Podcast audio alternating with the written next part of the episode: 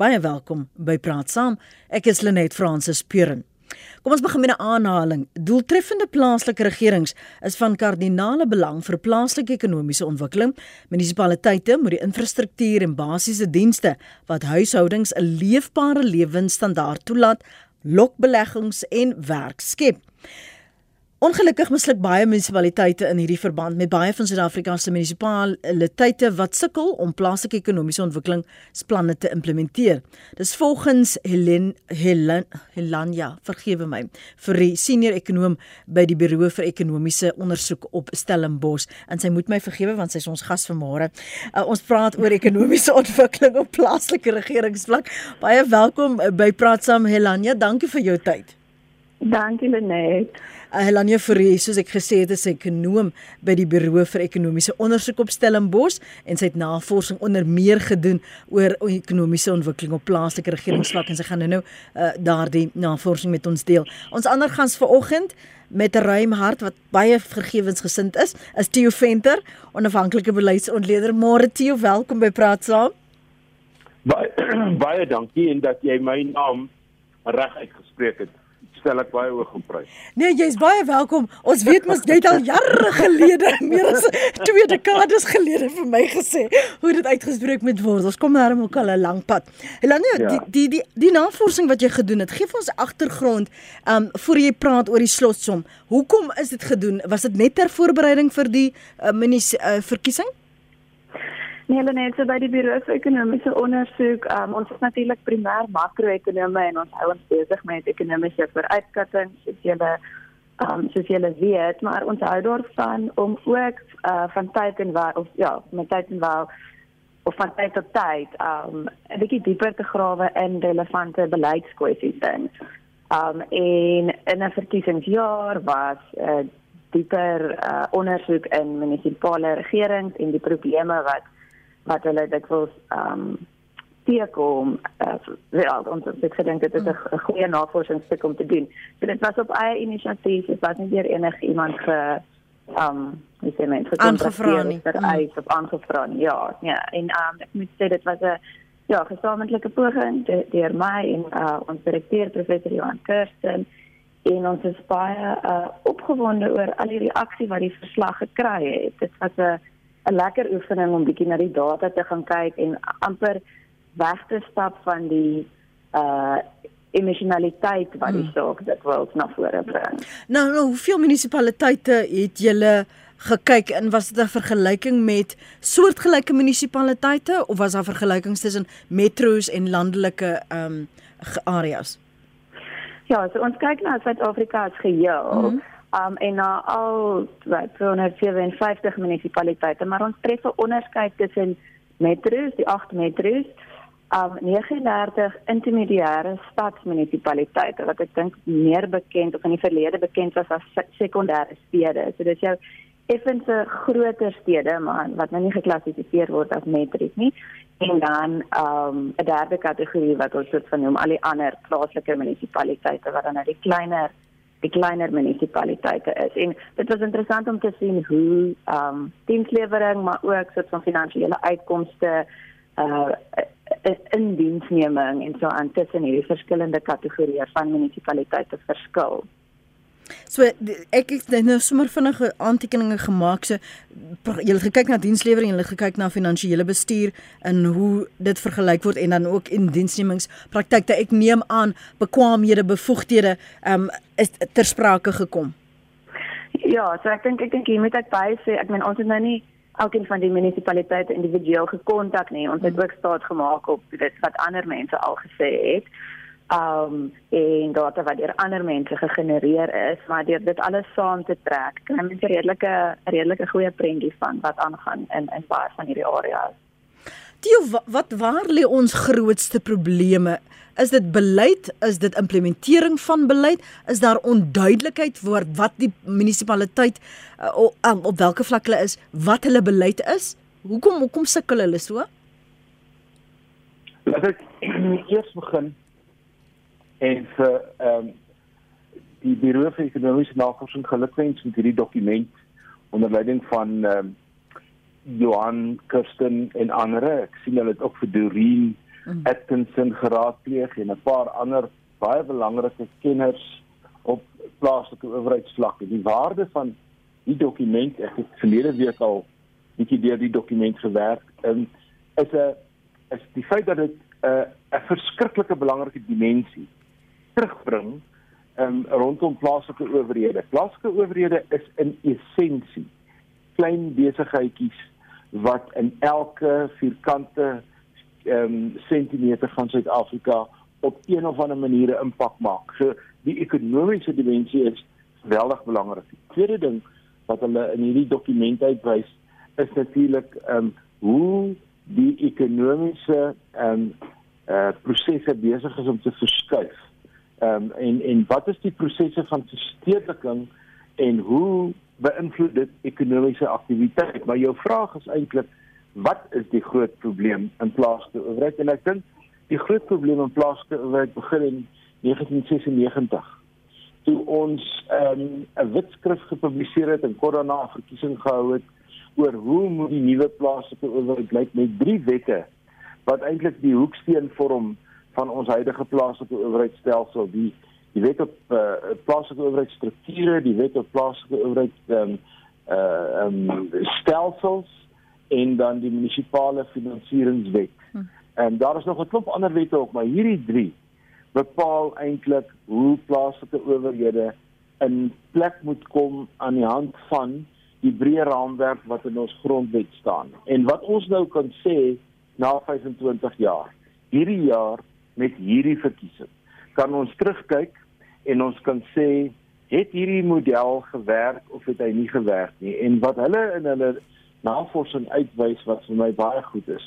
Ehm dit is dat ekonomie van skaal, met ander woorde hoe groter 'n een eenheid word, soos 'n metro byvoorbeeld, word dit makliker om die bestuursverpligtinge na te kom en hoe kleiner dorpies is en hoe hoe meer en dieper op die platteland is, hoe moeiliker is dit om volhoubaar te wees. Die groot um, vraag hier is die volhoubaarheid. Kan jy met ander woorde volgende jaar doen wat jy hierdie jaar gedoen het en kan jy hierdie jaar doen wat jy gedoen het en as jy na van hulle grafieke kyk en jy en lees dit in terme van ehm um, hoe dinge gelyk het 10 jaar gelede en as hulle dit op 'n ekonomiese model aanpas dan het daar in baie munisipaliteite eintlik 'n groot agteruitgang plaasgevind. So ons moet vir mekaar sê hierdie jaar 2021 die stand van plaaslike owerhede is nie goed nie. As iemand 'n state of the nation sou moet skryf oor plaaslike owerhede sou hy moet sê dit lyk nie goed nie en en hierdie dokument hierdie verslag help ons om die komponente wat veral met die ekonomie en volhoubaarheid en veral hulle klem op die groter dorpe en stede naby metros die klem op hulle te plaas plekke soos waar ek bly op die mm. stroom of Bronkhorstspruit of uh ag ons kan dit op groter name noem. Wat is hulle bydrae en waar lê die krisis daar en hoekom gebeur iets soos Clover wat onttrek uit Dietsebotla wat wat Lichtenburg is. Hoekom het ehm um, Astral soveel probleme in Lekwa, Standerton? En uh, ek dink uh, weer eens goeie dokument goeie perspektiewe. Kan jy gou net daarop uitbrei dan Helena veral as ons sê dat dit 'n impak het want dikwels dink ons dit word alles in isolasie gesien.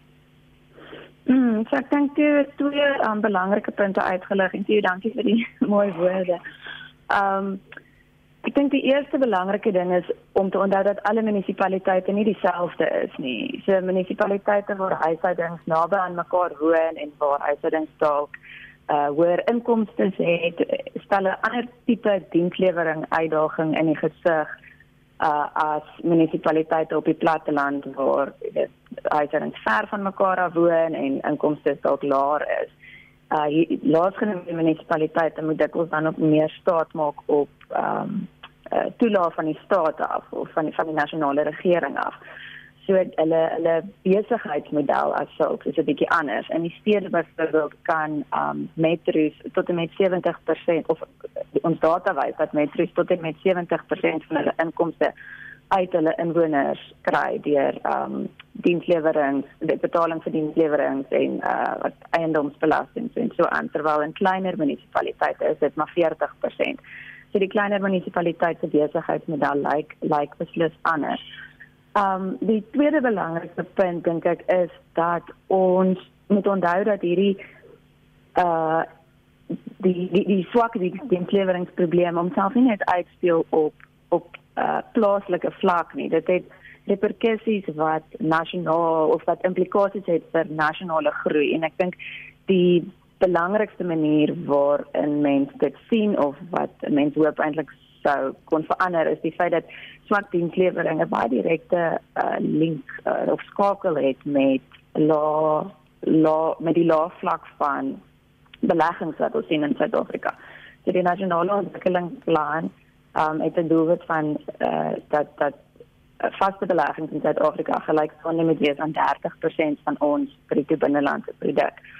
Um tans is dit maar 14% en ek dink hoe dit verband hou met plaaslike regerings is dat as 'n uh, munisipaliteit nie in staat is om water en elektrisiteit en goeie paaie en die basiese diensleweringfunksies te verrig nie, is mense natuurlik minder uh, genoeg uh, om om te belê in hierdie area. Ja. So dit verlaag belegging en laer belegging gee aanleiding tot laer ekonomiese groei wat huishoudings weer verder verarm wat maak dat hulle minder in staat is om hulle munisipale belasting te betaal wat dit die situasie dan vir munisipaliteite weer van voor af moeilik maak. So dit is regtig 'n bose kringloop wat uitspeel dwars oor die ekonomie van julle het nou al reeds julle SMS'e gestuur. Uh ek lees dit en deel dit met die res van die land. Twakman, al die munisipaliteite steel dieselfde. 'n Ander een sê plaaslike munisipaliteite het nie mense met kennis nie. 'n Ander een sê what is the big problem in local government? The people. En 'n ander een sê um as daar werk is en ons is 'n trotse volk maar nie in ons dorpe en stede nie. Bloemfontein is die stad waar organisasies gestig is, maar kyk hoe vuil is dit. Wie se trots is dit sê Kwitty. 'n Ander een sê die VN eksperiment met die ANC het duidelik gefaal. Die land is op pad na the great reset voor 2024 skryf hierdie luisteraar en dan sê SP die olifante rig groot skade in ons aan. As jy kyk na hierdie ouditeur-generaals verslae oor die laaste meer as 'n dekade al, Theo, watter wesenlike impak en en riglyne het dit verskaf al dan nie? Ehm um, net dit is baie belangrike materiaal en ek wil net kortliks reageer op die op die ehm um, insette wat jy gekry het. Mense moet mm. versigtig wees oor plaaslike owerheid om nie met 'n te breë kwas te verf nie. Mense kan nou maklik sê al die munisipaliteite steel, maar ek dink mense verloor jou vermoë om genuanceerd te dink as jy so 'n soort stelling maak. Want ons regtig paar munisipaliteite wat goed doen. En daar's regtig in alle munisipaliteite reg oor die land mense wat regtig nou gesê hulle werk wil doen. En as 'n ou nou met hierdie breë kwas kom, dan maak jy hulle op moedeloos, maar op in hierdie dokument uh op bladsy 6 is daar 'n verskriklike belangrike grafiek wat die bureau ontwikkel het. En dit is om te wys hoe die inkomste lyk van plaaslike owerhede en dat die dat die metros byvoorbeeld in terme van eie inkomste met ander woorde as hulle eie belastings en die soort van goederes het en die geld wat hulle maak uit dienslewering met ander woorde elektrisiteit wat hulle verkoop en so aan dan maak hulle amper ek sou sê so omtrent 70% van hulle eie inkomste genereer hulle self. Die res is hulle afhanklik van van owerheidsoordragte, die sogenaamde transfers en die en die DORA en wetgewing hmm. en so aan. Kom jy na die groter dorpe toe, dan val daai eie inkomste en belastinginkomste val na omtrent 60% toe. So dit is nog volhoubaar, maar dit is aansienlik laag. Maar die oomblik wat jy kom by die res van die plaaslike owerhede en ek sou moet sê dit is minstens amper 200 van die plaaslike owerhede in Suid-Afrika dan is die eie inkomste en belasting is net meer as 40%. Dis nie volhoubaar nie. Hierdie dorpies en en en en plattelandse dorpies is eintlik in totaal afhanklik van owerheidsoordragte. En nou weet ons die regering se oordragte kom laat en ons weet die meeste van hierdie dorpies se se salarisrekenings is te groot. Daar was 'n ou model gewees wat sê jou salarisrekening kan nie meer as 35%, maksimum 37% van jou begroting kan gaan aan salarisse, mense en dies meer. Ons het dorpies in Suid-Afrika wat al 100% plus spandeer aan salarisse. Dit kan nie werk nie. En dan die die volgende wat dit wys, die grafiek ehm um, uh, gaan voort en as jy op bladsy 8 kyk, dan sien jy sien dat die ehm um, hulle wys hoe lewer ehm um, die verskillende uh munisipaliteite dienste eintlik bladsy 9 dat die mense in jou metros kry oor die algemeen as ek moet as ek met 'n algemene syfer gee, is hulle oor 85% kry hulle dienste. Ek dink Mangaung sou 'n uitsondering wees want Mangaung is 'n swak metro. As jy gaan na die groter dorpe en die dorpe naby aan die stede, dan is die dienslewering 50% en op.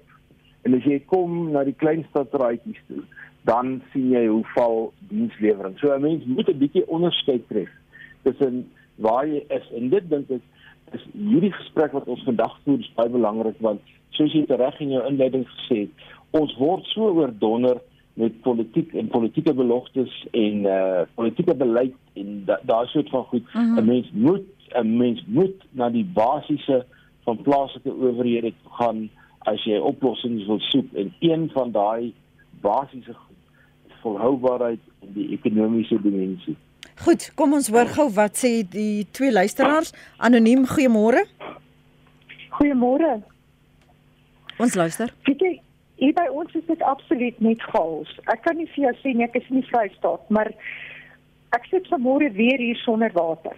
Hoe kan jy enige besigheid ehm uit uit so 'n situasie uit dit en dit is nou al die tweede keer hierdie week. Die ons hier is nie 'n ATM op ons dorpie nie kan jy jouself instel. Ek praat nie van 'n supermark nie. Maar die arme vroutjie wat 'n 'n was nie 'n besigheid bedryf het, het nou ook al geskuif. Want daar's nie water nie. Hoe bedryf jy 'n besigheid sonder water? Van elektrisiteit praat ek nie eers nie. Ons was 2 dae hier sonder elektrisiteit gewees wat ons dit gaan aanlaat het by die kantoor voor 12:00 die middag want dit was nou die beerkrag gewees gaan nie terug af en dink jy dis beerkrag. Dan kom jy iewers op iemand wat 'n regte skedule is dan sê hulle vir jou nee maar dis nie nou beerkrag nie. Toe ons die tweede dag na mekaar wat ons sonder krag was dit betyds gaan aanmeld het voor 11:00 die oggend toe ek voor 3 uur voor die munisipale kantoor toemaak, gaan hoor wat is nou die probleem? Het hulle dit uitgesorteer? Weet hulle waar dit is? Toe hy nog nie eens kom aanmeld om te hoor of is daar klagtes nie. Hierdie onbevoegde mense wat in posisies is, is ons regtig ek kan nie vir anders sê as gat vol nie. Dit kan regtig nie so aangaan nie. Dankie anoniem. Johan, jy is in waar? Pretoria uh môre Lenet Theo hmm. in die gas in uh, in die in, in die Kaap. Man, uh ek, ek wil net sê ek dink dit is 'n baie strategiese onderwerp hier en hy hy sê regtig die die regte antwoord uitkoms aan die einde van die dag. Uh ek my uh teen die agtergrond van ideologie wat uh, wat wat uh uitgespeel word, ge, gerig word ensovoorts, lyk dit net vir my asof die uh, die die die vermaak wat daarmee saamgaan, die dwarsbooming wat daarmee saamgaan, 'n groot probleem is. En ek wonder net terwyl ek met Theo saamstem wat hy sê en ook die die gaskinders haar naam nie mooi gehoor nie in die Kaap uh uit uit 'n ekonomiese hoogtepunt. Ek uh, dink wonder ek net of ons nie moet bietjie dieper kyk na die probleem nie. En dit is uh, uh die ding neem uh nie noodwendig dit nou bespreek vanoggend nie, maar kyk na die na die nasionale konteks wat verskillende partye maar dan hoe hy homself uitspeel in die uh, in die provinsiale en veral in die plaaslike owerheidsgeval met betrekking tot spesifiek die rol, funksie en verantwoordelikheid van die instansies. Dit lyk net vir my hierso of daar nie onderskeid gemaak kan word deur die uh, deur meeste van die partye met betrekking tot wat is van partybelang en wat is van gemeenskapsbelang nie en dan om by by die munisipaliteit uit te kom dan meer spesifiek wat hierdie aspekte betref wat ek wat ek genoem het moet ons nie daar kyk na aanleiding uh, uh, van die groter prentjie hoe ons hierdie sake strategies kan hanteer in terme van die aanwending van hulpbronne want ek dink dis die probleem. Mm. Ons weet almal van water, ons weet almal van paaie en slaggate ensovoorts, maar niemand kom regtig in sê hoe gaan daai aspekte aangespreek word deur middel van 'n strategiese uh uh benadering sodat daar uitkomste gelewer word nie. Uh ek ek wonder wat wat wat jou gaste se siening is in hierdie verband want ek dink aan die einde van die dag dit is waarvoor ons moet stem en dit is wat ons wil reggestel hê net bloot om te sê en nou verwys nie maar die gaste sê nie ek praat meer amper wat inbellers sê net om te kritiseer gaan ons nie verder bring nie. Goed, Johan um, in Pretoria, dankie vir daardie inset van jou. Raak vir ons Selania aan die die die aspek van hulpbronne en die aanwending van hulpbronne na die laaste kommentare van Johan? Hmm, so ek dink dit spreek tot twee kwessies wat ook nou eintlik al um, vroeër deur van die ander uh luisteraars uitgelig is en wat weet jy. So die een is dat ons ons auditprosesse verg verskriklik baie ehm um, energie as ek dit nou reg reg in dit leuke taal kan kan stel. So wat een van die goed wat ons ehm um, vind is dat baie munisipale amptenare so gefokus daarop is om 'n skoon audit te probeer kry en tot, om te verduidelik uh, waarop geld spandeer is dat hulle eintlik 'n bietjie sig verloor in die groter prentjie van dienslewering. En ek dink in daai opsig is daar dalk ruimte om die auditprosesse bietjie te herdink. Natuurlik is dit van kardinale belang. Ek sê geen sin dat munisipaliteite nie geaudit moet word nie en dat dit die beste manier is om seker te maak dat munisipaliteite wel hulle werk doen. Maar ek dink die punt is die nuance met 'n klein bietjie verskuif. Dit moet dit moet nie so moeilik wees om um om jou geld reg te bestee dat dit uiteindelik 'n uh, besteding in totaliteit in die wiele ry nie as as jy verstaan wat ek sê. Mm -hmm.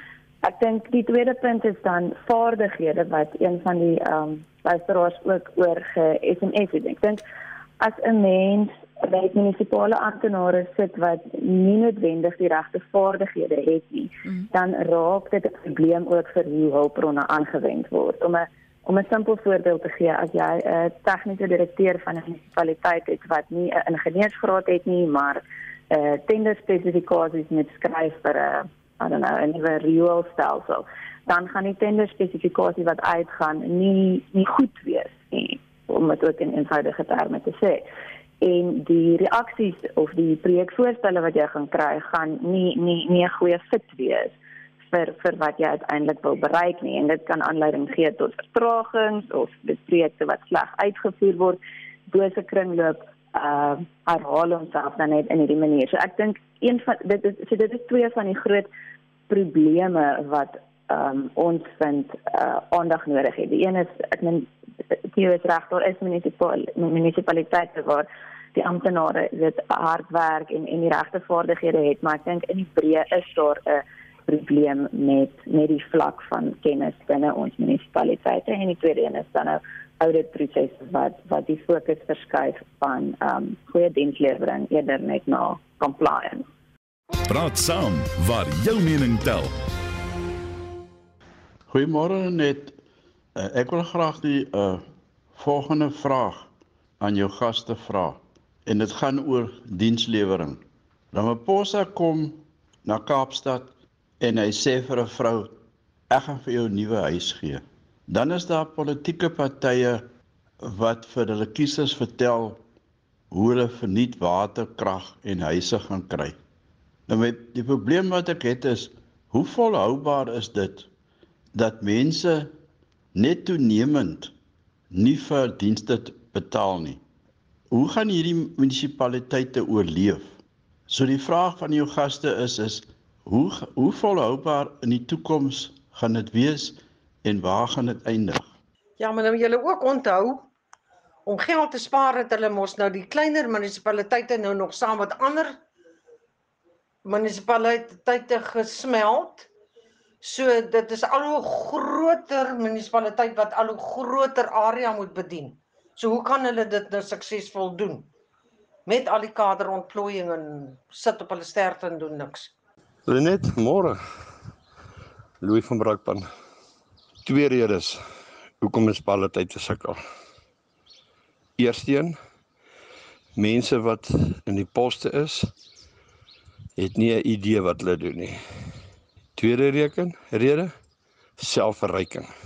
Hulle voel niks vir die mense op die grond nie. Hulle verryk hulle self en hulle chommies. Dis al. Dankie hoor. Lenet, goeiemôre. Ag, wil jy nie vir jou gaste vra of hulle net kan vir ons antwoord op wat is die impak wat die SASSA ehm um, toelaat het op op die plaaslike regering in klein dorpies nie? Want ek gaan nou nie die dorpie se naam noem nie maar ehm um, dis waar ek vandaan kom en daar dis in die Noord-Kaap en daar skat ek seker 80% indien nie meer van die bevolking van daai munisipaliteit of dorp is op uh, SASSA geld nie. So ek kan nie sien hoe kan daai munisipaliteit bestaan uit mense wat nou SASSA geld kry en in elk geval nie munisipale belastings kan en wil betaal nie. Ek dink daar die eerste verwysing oor die volhoubaarheid wanneer daar so baie is wat nie verdienste betaal nie en die politiek ook daar agter Theo is so in jou kraal. Ja, dit is baie belangrik en ek dink dit is in 'n mate ook ehm um, uh genoem deur Johan Kotse wat uh, wat ingebel het en uh, wat vir ons sy perspektief gegee het. Ehm um, 'n mens moet um, kom ek sê eers wat is die regering se huidige denke voor ek my antwoord gee. Op die oomblik dink die regering dat die enigste manier om die onvolhoubaarheid en die die luisteraars wat ingebel het is heeltemal reg.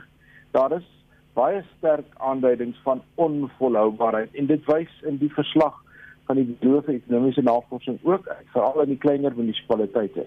Ehm um, en hulle hulle idee is dat ehm um, hulle wil die kleiner munisipaliteite in distrikte laat saamwerk en dit is waar die hele distriksontwikkelingsmodel vandaan kom. Hulle wil met ander woorde probeer om ekonomieë van skaal op 'n kleiner vlak bymekaar te kry. Nou die elende daar rondom is dit het eintlik al op 'n sekere manier gebeur. Ons het op 'n stadium na 1996 het ons oor die 800 plaaslike owerhede gehad.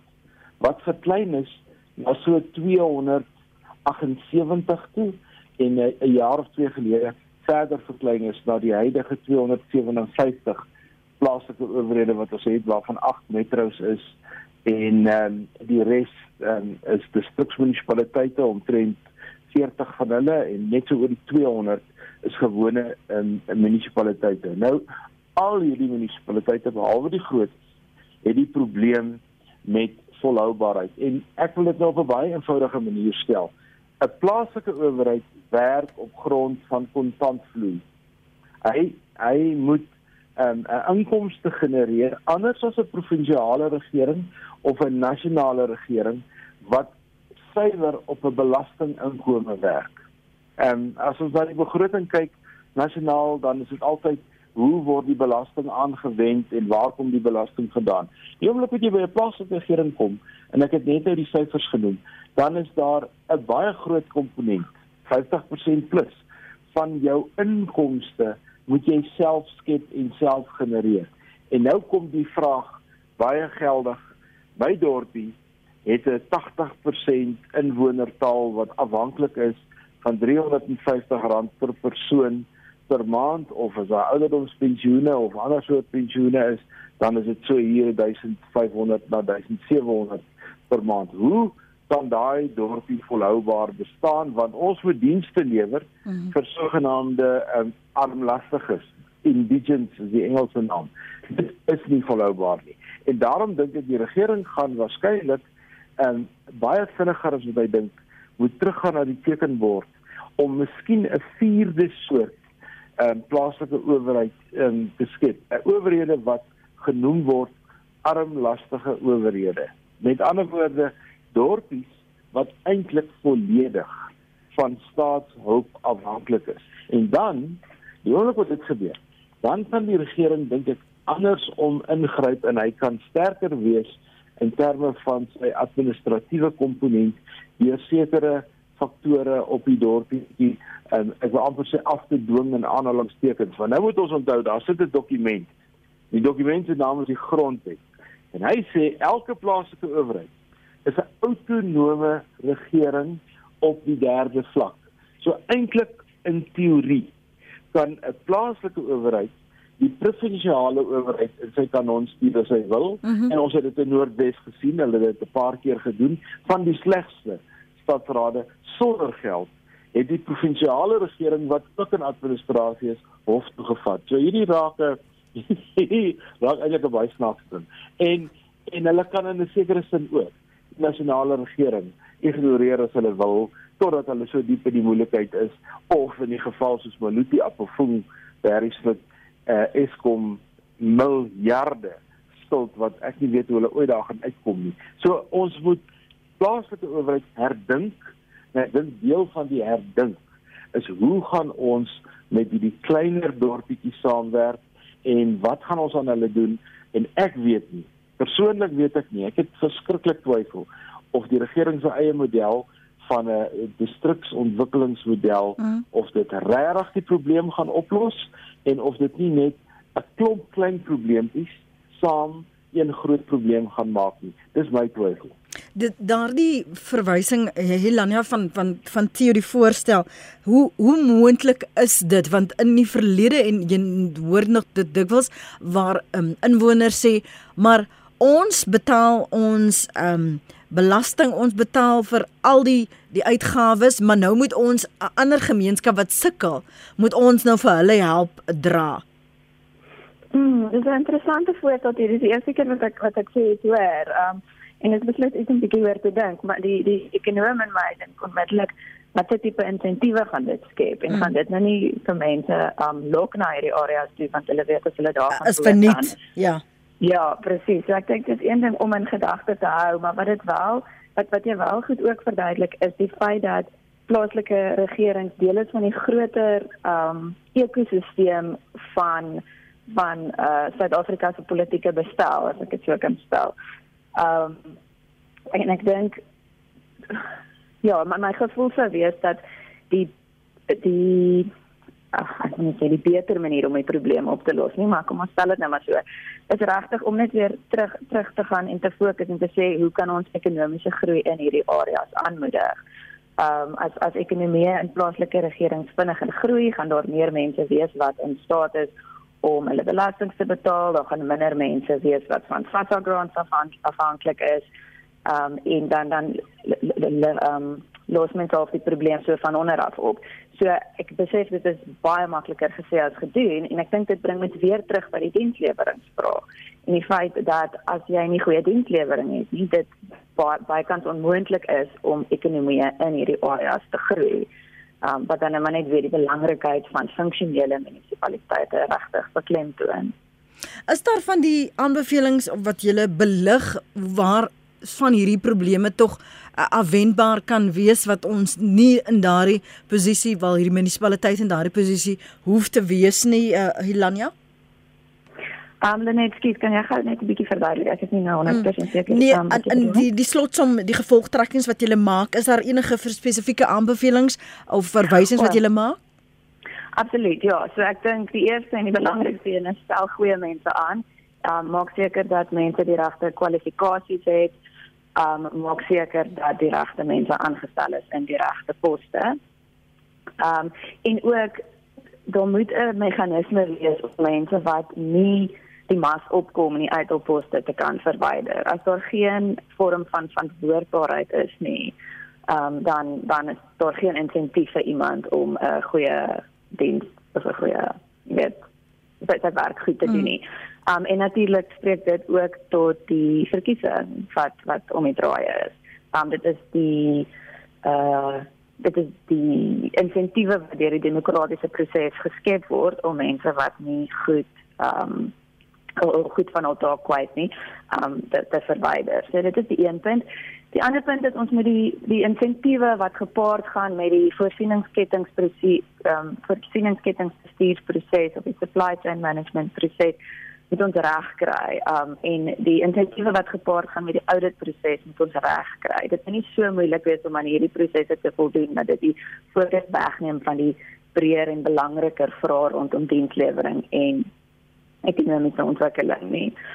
Um, ja, in sommige munisipaliteite mag daar dalk 'n rol wees vir die private sektor om te speel deur iets soos uh dit is wat Afrikaanse public private partnerships nie. Uh, maar ek dink dit hang ook baie af van die uh vaardighede by die, munisipaliteit. Sulke projekte is dit was moeilik om te bestuur en as jy met amptenare sit wat nie die vaardighede het om om saam met die private sektor te werk nie, dan dan dan gaan dit natuurlik nie 'n uh, volhoubare oplossing wees nie. Um ek dink dit spreek ook tot die se um bekommernisse oor die distriksontwikkeling model. Um waarmee ek ek ek saam met sy met sy bekommernisse daar en ek dink ook die sukses van so 'n model gaan grootendeels afhang van of selfs mense binne distriksmunisipaliteite die regte vaardighede het. Dit help nie 'n herontsterk die wiel as as die, die mense wat die wiel uh, moet dryf nog steeds nie die regte persone is nie. Theo, jy het gehoor en ek seker julle hoor dit elke dag dat mense apaties voel teenoor hierdie plaaslike verkiesing juis omdat hulle lewenservaring in daardie munisipaliteite in ons provinsies van so 'n aard is dat hulle hulle glo nie die prosesse nie. Hulle sien nie hulle lewens uh, verbeter nie. Wat sê jy vir daardie luisteraars? Ja, ek het baie begrip daarvoor. Ehm um, ek ry 'n dikwels in die platteland. Ehm um, en ehm uh, om dit wat in die Vrystaat en in die Noord-Kaap en in Mpumalanga en in Limpopo en 'n mens kan verstaan dat mense um ontgoocheld is. En die die woord wat baie gebruik word selfs deur een van die politieke partye op hulle plakate is gatvol. En dit maak dat mense lyk my op twee maniere reageer. Die een groep raak aktief betrokke en wil 'n uh, 'n uh, sekere oplossing kry. Voorbeeld is 'n gesprek wat voor vandag op, op RSG was oor geklein rivier waar jy 'n duidelike um, ander reaksie kry sê ons wil ons eie waterprobleme oplos. Die ander reaksie is dat mense meer apaties staan en dit kry ons ongelukkig in die meeste gevalle en dit gaan aanleiding gee dink ek in hierdie komende verkiesing wat op maandag plaasvind van 'n betreklike groot wegbly stem waar mense net eenvoudig sê daar is niks wat ek kan verander aan my huidige omstandighede nie. Ek is uitgelewer aan 'n klomp politici wat nou ehm um, die strate teer 'n week voor die verkiesing, maar as die ja. verkiesing verby is dan mm. dan verdwyn hulle. So ek dink politici het 'n spesiale verantwoordelikheid veral politieke partye om seker te maak dat hierdie want hierdie is 'n krisisverkiesing wat ons het in ja. alle opsigte. Dit is 'n hierdie plaasowerheid is in 'n krisis dat hulle hierdie krisis benut en dat hulle aan hulle beloftes voldoen deur beter mense daar te plaas en en en te kyk na die die kapasiteit van regering. Maar ek wil afsluit deur te sê van die groot korporatiewe instansies wat ehm um, besighede op die platteland ehm um, bedryf sukkel in 'n sekere sin met dieselfde probleem. Hoe kry jy, sê nou maar jy het 'n baie groot fabriek in Prieska. Hoe trek jy 'n jong professionele huisgesin van Johannesburg af Prieska toe? En laat die ou daar bly. Ek gebruik nou Prieska ja. en dit steen Prieska nie. Dis maar net die eerste woord wat ek kon Vosburg ook gesê het of enige ander dorp. Maar ehm uh, dit is 'n uitdaging. So om die soort vaardighede te kry wat ons klein dorpies nodig het. En hier lê die hier lê die paradoks. Hoe armer 'n land ja. is en hoe minder die bronne is, hoe groter moet die kapasiteit van die bestuurder wees om die min bronne op sy beste te bestuur. As daar baie geld is, kan middelmatige bestuursvermoë jou eers bring, maar as daar bitter min is, het jy die beste nodig. En ongelukkig, in Suid-Afrika het ons daai ding op sy kop gedraai. Die beste ouens sit op nasionale regering. Die tweede beste ouens sit op provinsiale regering en die swakstes sit op plaaslike regering. Dit moet omgedraai word. Dankie Theo Venter, onafhanklike beleidsontleder en Helania Fourie, senior ekonom by die Buro vir Ekonomiese Ondersoek op Stellenbosch. Groetnis van my Lenet Fransis Pierer. Mooi dag vir jou.